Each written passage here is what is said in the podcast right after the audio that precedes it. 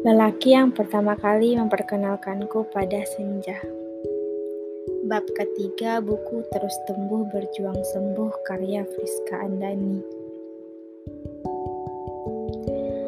Bagiku, kamar adalah segalanya. Tempatku berkeluh kesah, tempatku bergantung segalanya. Aku terlalu tidak terbiasa dengan lingkungan terbuka. Tapi hari itu aku keluar melihat dunia atas undangan dari seseorang. Sore itu, untuk pertama kalinya, aku bisa menikmati kepergian sore dengan duduk dan tenang, diiringi kicauan burung, gemersik air ikan di danau, serta petikan gitar dari jari jemari pemulaku. Dan yang paling penting, ada kamu di sampingku bersama teman-teman yang menemani, aku rasa aku tidak akan sehanyut itu.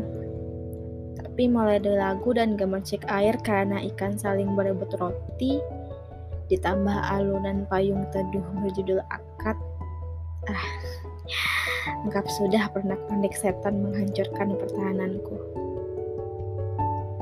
Percaya atau tidak, itu batuan sore pertama kalinya aku bisa tenang. Seolah-olah di dunia di belakang sana aku tinggal begitu saja. Suatu telah berhasil membuatku bahagia dengan cara yang orang lain belum mampu melakukannya.